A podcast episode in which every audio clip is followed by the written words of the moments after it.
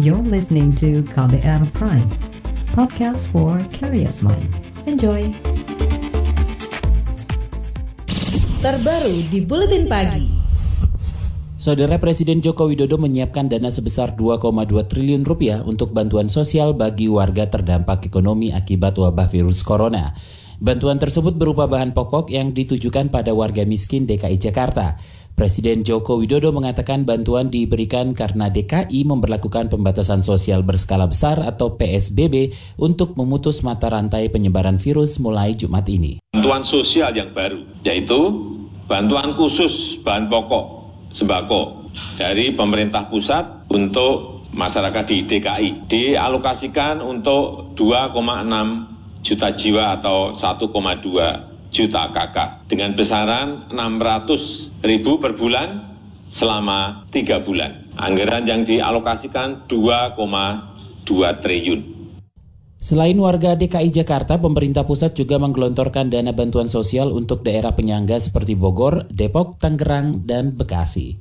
Untuk bantuan langsung tunai di luar kawasan Jabodetabek, pemerintah mengalokasikan anggaran sebesar 16,2 triliun rupiah bagi 9 juta keluarga yang bukan penerima bantuan PKH maupun sembako.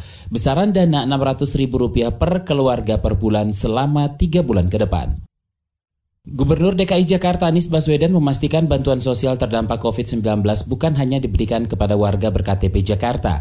Semua warga yang tinggal di Jakarta dan terdampak akibat wabah COVID-19 akan diberi bantuan. Jadi siapa pun yang di kampung itu dicatat. Nah, sekarang ketika terjadi krisis seperti ini, kita harus memberikan bantuan, lalu kita sudah punya datanya tentang penduduk DKI yang ada di wilayah Jakarta, bukan hanya berKTP Jakarta ya, tapi yang ada di Jakarta. Lalu mereka kita punya data pengeluaran per bulannya. Jadi ada kelompok-kelompoknya tuh. Dari situ kemudian kita berikan bantuan kepada 1,2 juta kakak yang ada di Jakarta yang mereka yang akan mendapatkan bantuan.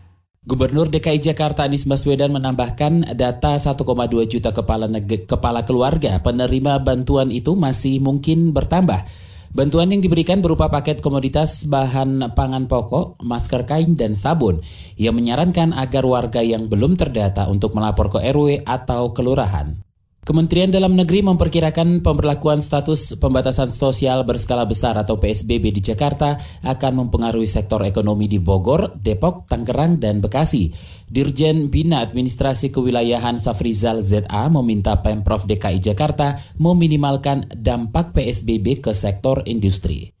Pemberlakuan PSBB sangat berkaitan langsung dengan daerah sekitar. DKI Jakarta yang merupakan ibu kota negara memiliki keterkaitan dengan daerah sekitarnya ya. Bogor, Depok, Bekasi, Tangerang, Tangerang Selatan serta daerah-daerah lainnya ya. DKI Jakarta tidak memiliki industri yang besar, namun beberapa industri ini mengalirkan bahan-bahan material ke DKI Jakarta. Oleh karenanya nanti daerah yang akan memperlakukan e, pembatasan sosial berskala besar ini harus menghitung Dirjen Bina Administrasi Kewilayahan Safrizal ZA juga meminta Gubernur DKI Jakarta menjamin kelancaran distribusi logistik di kawasan Jakarta dan sekitarnya.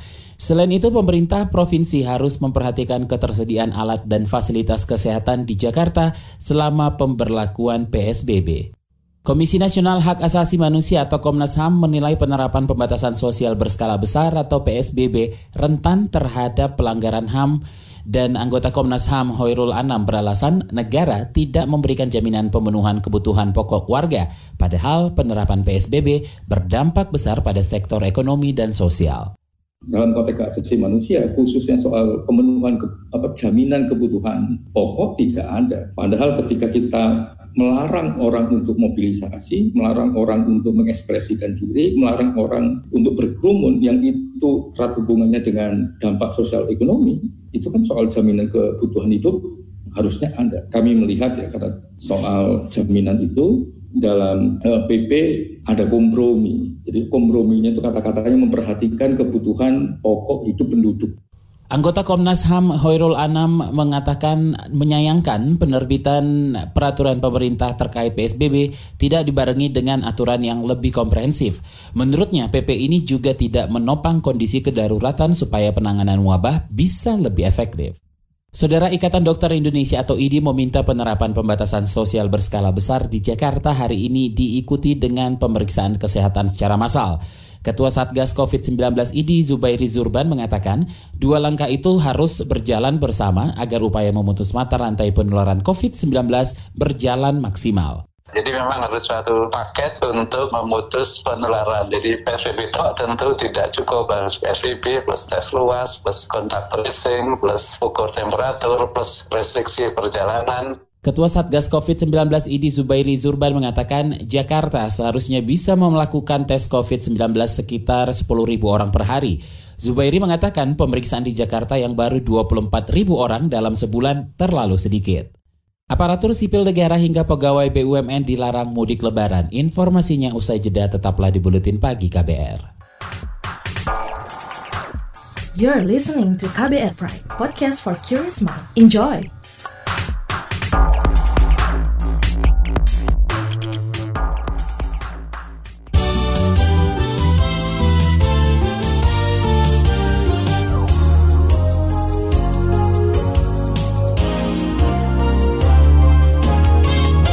Anda sedang mendengarkan Buletin Pagi KBR, siaran KBR mengudara melalui lebih dari 500 radio jaringan di Nusantara. Saudara Presiden Joko Widodo melarang aparatur sipil negara atau ASN, anggota TNI, Polri, dan pegawai Badan Usaha Milik Negara atau BUMN pulang ke kampung halamannya atau mudik. Larangan itu diputuskan pada rapat internal pemerintah hari ini.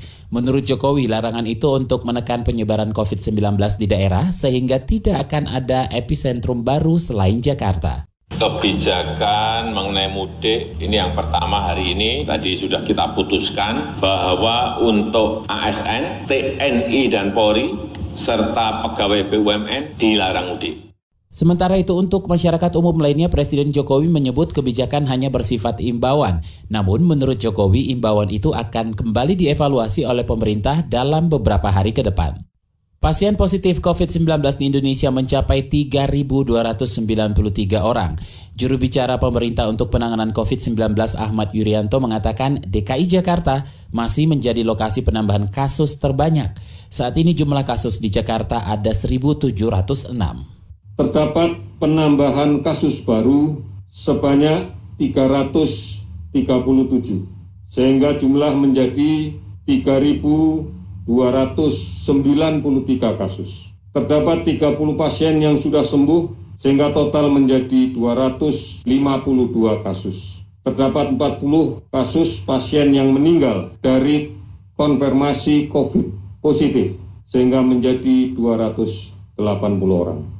Juru bicara pemerintah untuk penanganan COVID-19 Ahmad Yuryanto menambah saat ini kasus positif terbanyak kedua di Jawa Barat, Jawa Timur, Banten, Jawa Tengah, dan Sulawesi Selatan.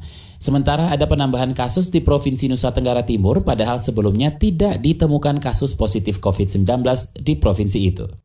Lembaga Kajian Pusat Kajian Anti Korupsi Pukat UGM mendesak Presiden Joko Widodo melarang menterinya menghadiri rapat di DPR untuk pembahasan sejumlah rancangan undang-undang atau RUU kontroversi selama pandemi COVID-19. Direktur Pukat UGM Oce Madril mengatakan tidak ada urgensi pemerintah dan DPR membahas RUU yang tidak ada kaitannya dengan darurat kesehatan di tengah wabah corona wakil-wakil pemerintah mestinya tidak menghadiri pembahasan-pembahasan itu atau menurut saya sih presiden lebih pas lah. Presiden harusnya memerintahkan kepada menteri-menterinya supaya tidak dulu menghadiri eh, rapat-rapat pembahasan soal RUU, RUU atau kebijakan-kebijakan yang uh, tidak ada hubungannya dengan soal mengatasi kedaruratan uh, kesehatan. Jadi untuk menunjukkan bahwa pemerintah memang fokus dan serius mengatasi situasi darurat kesehatan masyarakat. Direktur Pukat UGM OC Madril menambahkan masih banyak peran DPR untuk tetap dijalankan saat seperti ini, seperti fungsi pengawas dan fungsi anggaran. Sebelumnya, DPR mendesak membahas sejumlah rancangan undang-undang kontroversial seperti RUU Omnibus Law Cipta Kerja dan RKUHP. Rencana rapat akan kembali digelar pekan depan. Beralih ke informasi ekonomi, Saudara Gubernur Bank Indonesia Peri Warjio menyebut nilai tukar rupiah stabil dan cenderung menguat. Menurutnya posisi rupiah saat ini masih memiliki peluang menguat di tengah pandemi COVID-19.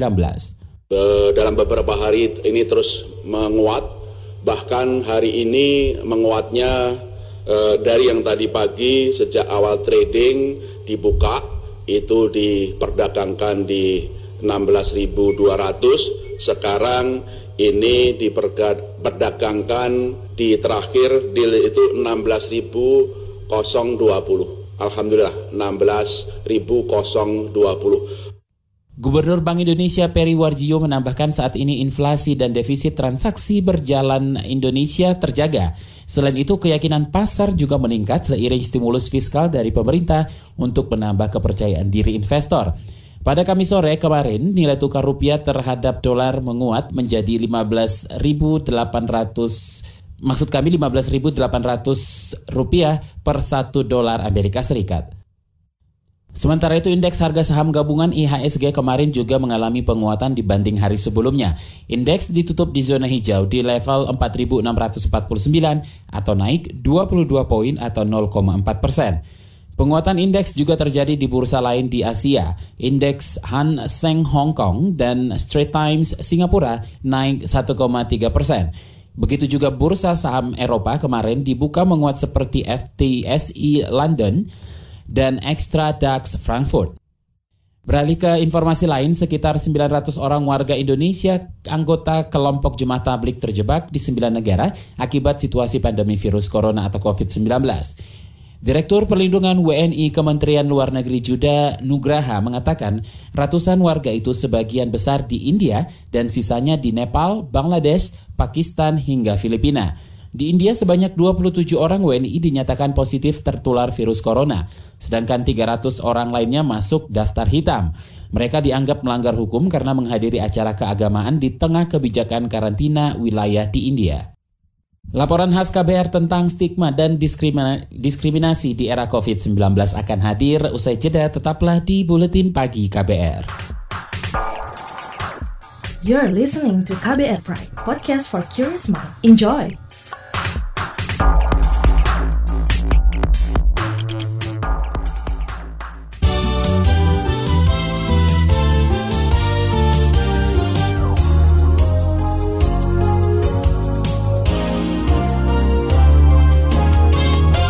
Anda masih mendengarkan buletin pagi saatnya kita simak laporan khas KBR.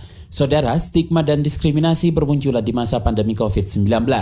Sasarannya beragam, mulai dari pasien, keluarga pasien, tenaga medis, hingga jenazah. Edukasi guna meluruskan cara pandang tentang corona perlu dimasifkan. Simak laporan yang disusun tim KBR dibacakan Eka Juli. Seiring mengganasnya COVID-19, stigma liar ikut merebak dan sulit dibendung. Saat ini, apa pun yang diduga terkait COVID berpotensi menjadi sasaran praktik diskriminasi. Di Jombang, Jawa Timur misalnya, pemakaman jenazah Ratno Yuniarto sempat ditolak warga Desa Plandi karena dicurigai sebagai pasien COVID. Padahal surat keterangan dokter menyatakan Ratno tidak menderita penyakit menular. Hal itu diungkapkan Budi, kakak almarhum. Kalau diagnosanya DOA, DOA itu hanya sesak nafas atau jantung, tapi di sini orangnya bilangnya surat-suratnya kurang. Akibat penolakan itu, jenazah Ratno tertahan sekitar satu hari di dalam mobil ambulans di Rumah Sakit Umum Daerah RSUD Jombang. Sementara Budi pontang-panting mencari surat keterangan ke rumah sakit tempat adiknya dirawat di Surabaya. Saya balik ke Surabaya, saya minta surat lagi. Dokternya kan dokter jaga, nggak tahu. Akhirnya nunggu kasih surat lagi. Kalau ternyata yang jenazah itu tidak menular. Katanya di sini setengah lima, oke okay lah, udah bu bisa. Gitu. Saya tinggal ke kelurahan, ke kelurahan udah tutup. Balik lagi ke sini, ke sini katanya suratnya kurang minta visum, minta apa. Terus saya tanya lagi, nunggu dirundingkan dulu. Jenazah Ratno akhirnya bisa dimakamkan, tetapi di desa sebelah, yakni Kaliwungu. Namun, perangkat desa setempat menuntut pemakaman sesuai prosedur COVID, meski Ratno bukan pasien corona. Berikut pernyataan Lurah Kaliwungu, Arif Wijaya. Alhamdulillah dari keluarga juga sudah bisa menerima masukan dari Pelandi dan Kaliwungu. Alhamdulillah dan pada intinya nanti Rukem akan memfasilitasi terkait dengan liang lahat dan sarana prasarana. Kondisi miris seperti ini juga beberapa kali terjadi di daerah lain. Yang sempat viral adalah penolakan pemakaman jenazah pasien positif di Banyumas, Jawa Tengah. Bupati Banyumas Ahmad Hussein sampai turun tangan langsung untuk memastikan jenazah bisa dimakamkan. Belajar dari kasus ini, Ahmad lantas menyediakan lahan khusus untuk pemakaman pasien COVID. Inisiatif dari warga juga mulai muncul. Sebuah pesantren di Banjarnegara, Jawa Tengah siap memberikan sebagian lahannya sebagai tempat pemakaman pasien corona.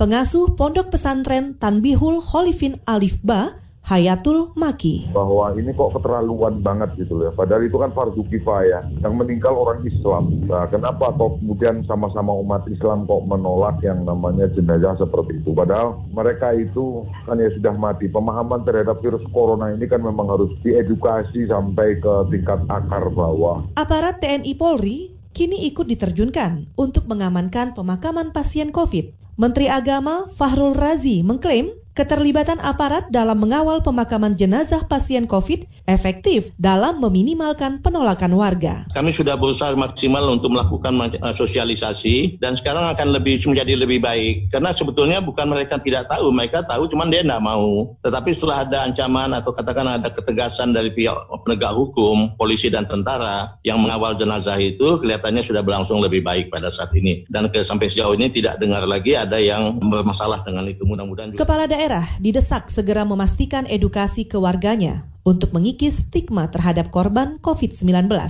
Peneliti Komnas HAM, Kania Rahma Nureda mengatakan, imbauan pemuka agama tidaklah cukup, tetapi perlu dibarengi aksi nyata pemimpin daerah. Menurutnya, diskriminasi terhadap pasien, keluarga, petugas medis hingga jenazah COVID tidak boleh dibiarkan. Berbagai eh, organisasi keagamaan juga telah memberikan pernyataan untuk tidak menolak jenazah pasien COVID-19. Kemudian juga diperlukan dari pimpinan daerah yang memberikan edukasi eh, bahwa stigmatisasi itu sebenarnya memberikan keresahan kepada masyarakat. Beberapa kepala daerah sudah mengeluarkan imbauan agar warga tidak menolak jenazah pasien COVID.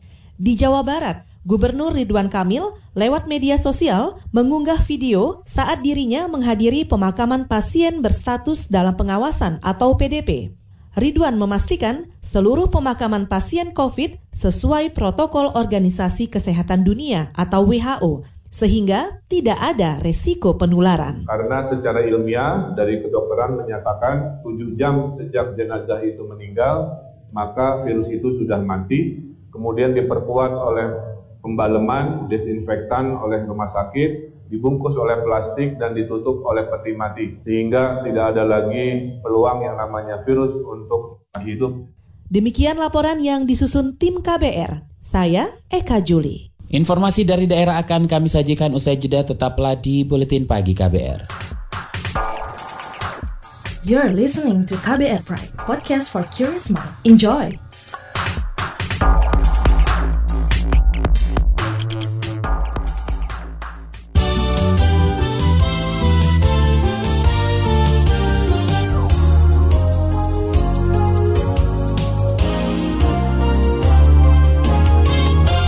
Inilah bagian akhir buletin pagi KBR. Sejenak kita ke mancanegara.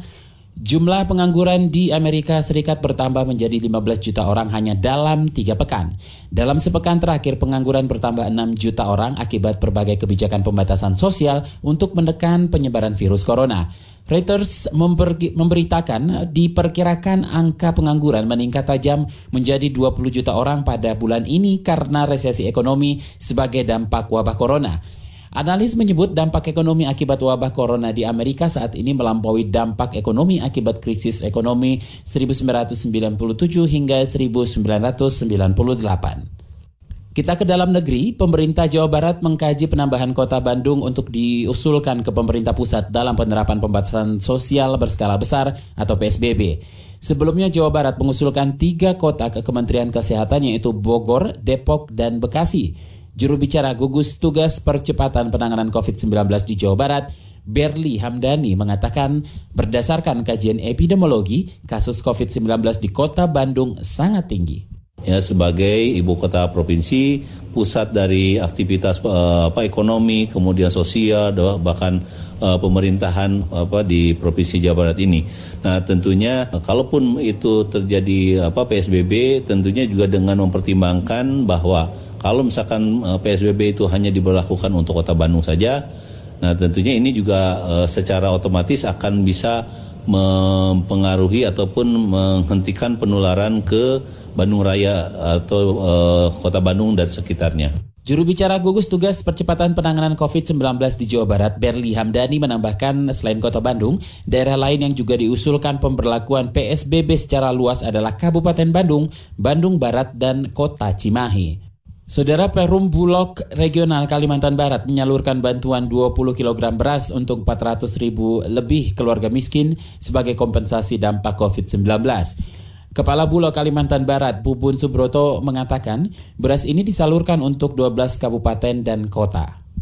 Bulog itu hanya diberikan tugas untuk menyalurkan bantuan beras di 12 daerah ya, hmm. di luar kota Pontianak dan Kuburaya ya. Jadi rencananya Bulog akan menyalurkan sebanyak 6.000 6.000 ton ya untuk 12 wilayah itu ya. Nah, hmm. total yang sudah terrealisasi sampai kemarin ada sebanyak 1.393 ton. Itu tadi Kepala Divre Bulog Kalbar Bubun Subroto. Sebelumnya Gubernur Kalimantan Barat Sutar Miji mengatakan adanya bantuan tersebut diharapkan menanggulangi dampak ekonomi masyarakat akibat pandemi virus corona atau COVID-19. Ia juga memerintahkan kepada kepala negara, kepala daerah agar mendata warga sehingga bantuan tersebut tepat sasaran. Informasi tadi menutup jumpa kita di Buletin Pagi hari ini. Pantau juga informasi terbaru melalui kabar baru, melalui website kbr.id, Twitter kami at berita KBR, serta podcast melalui kbrprime.id. Akhirnya saya Don Brady undur diri. Salam.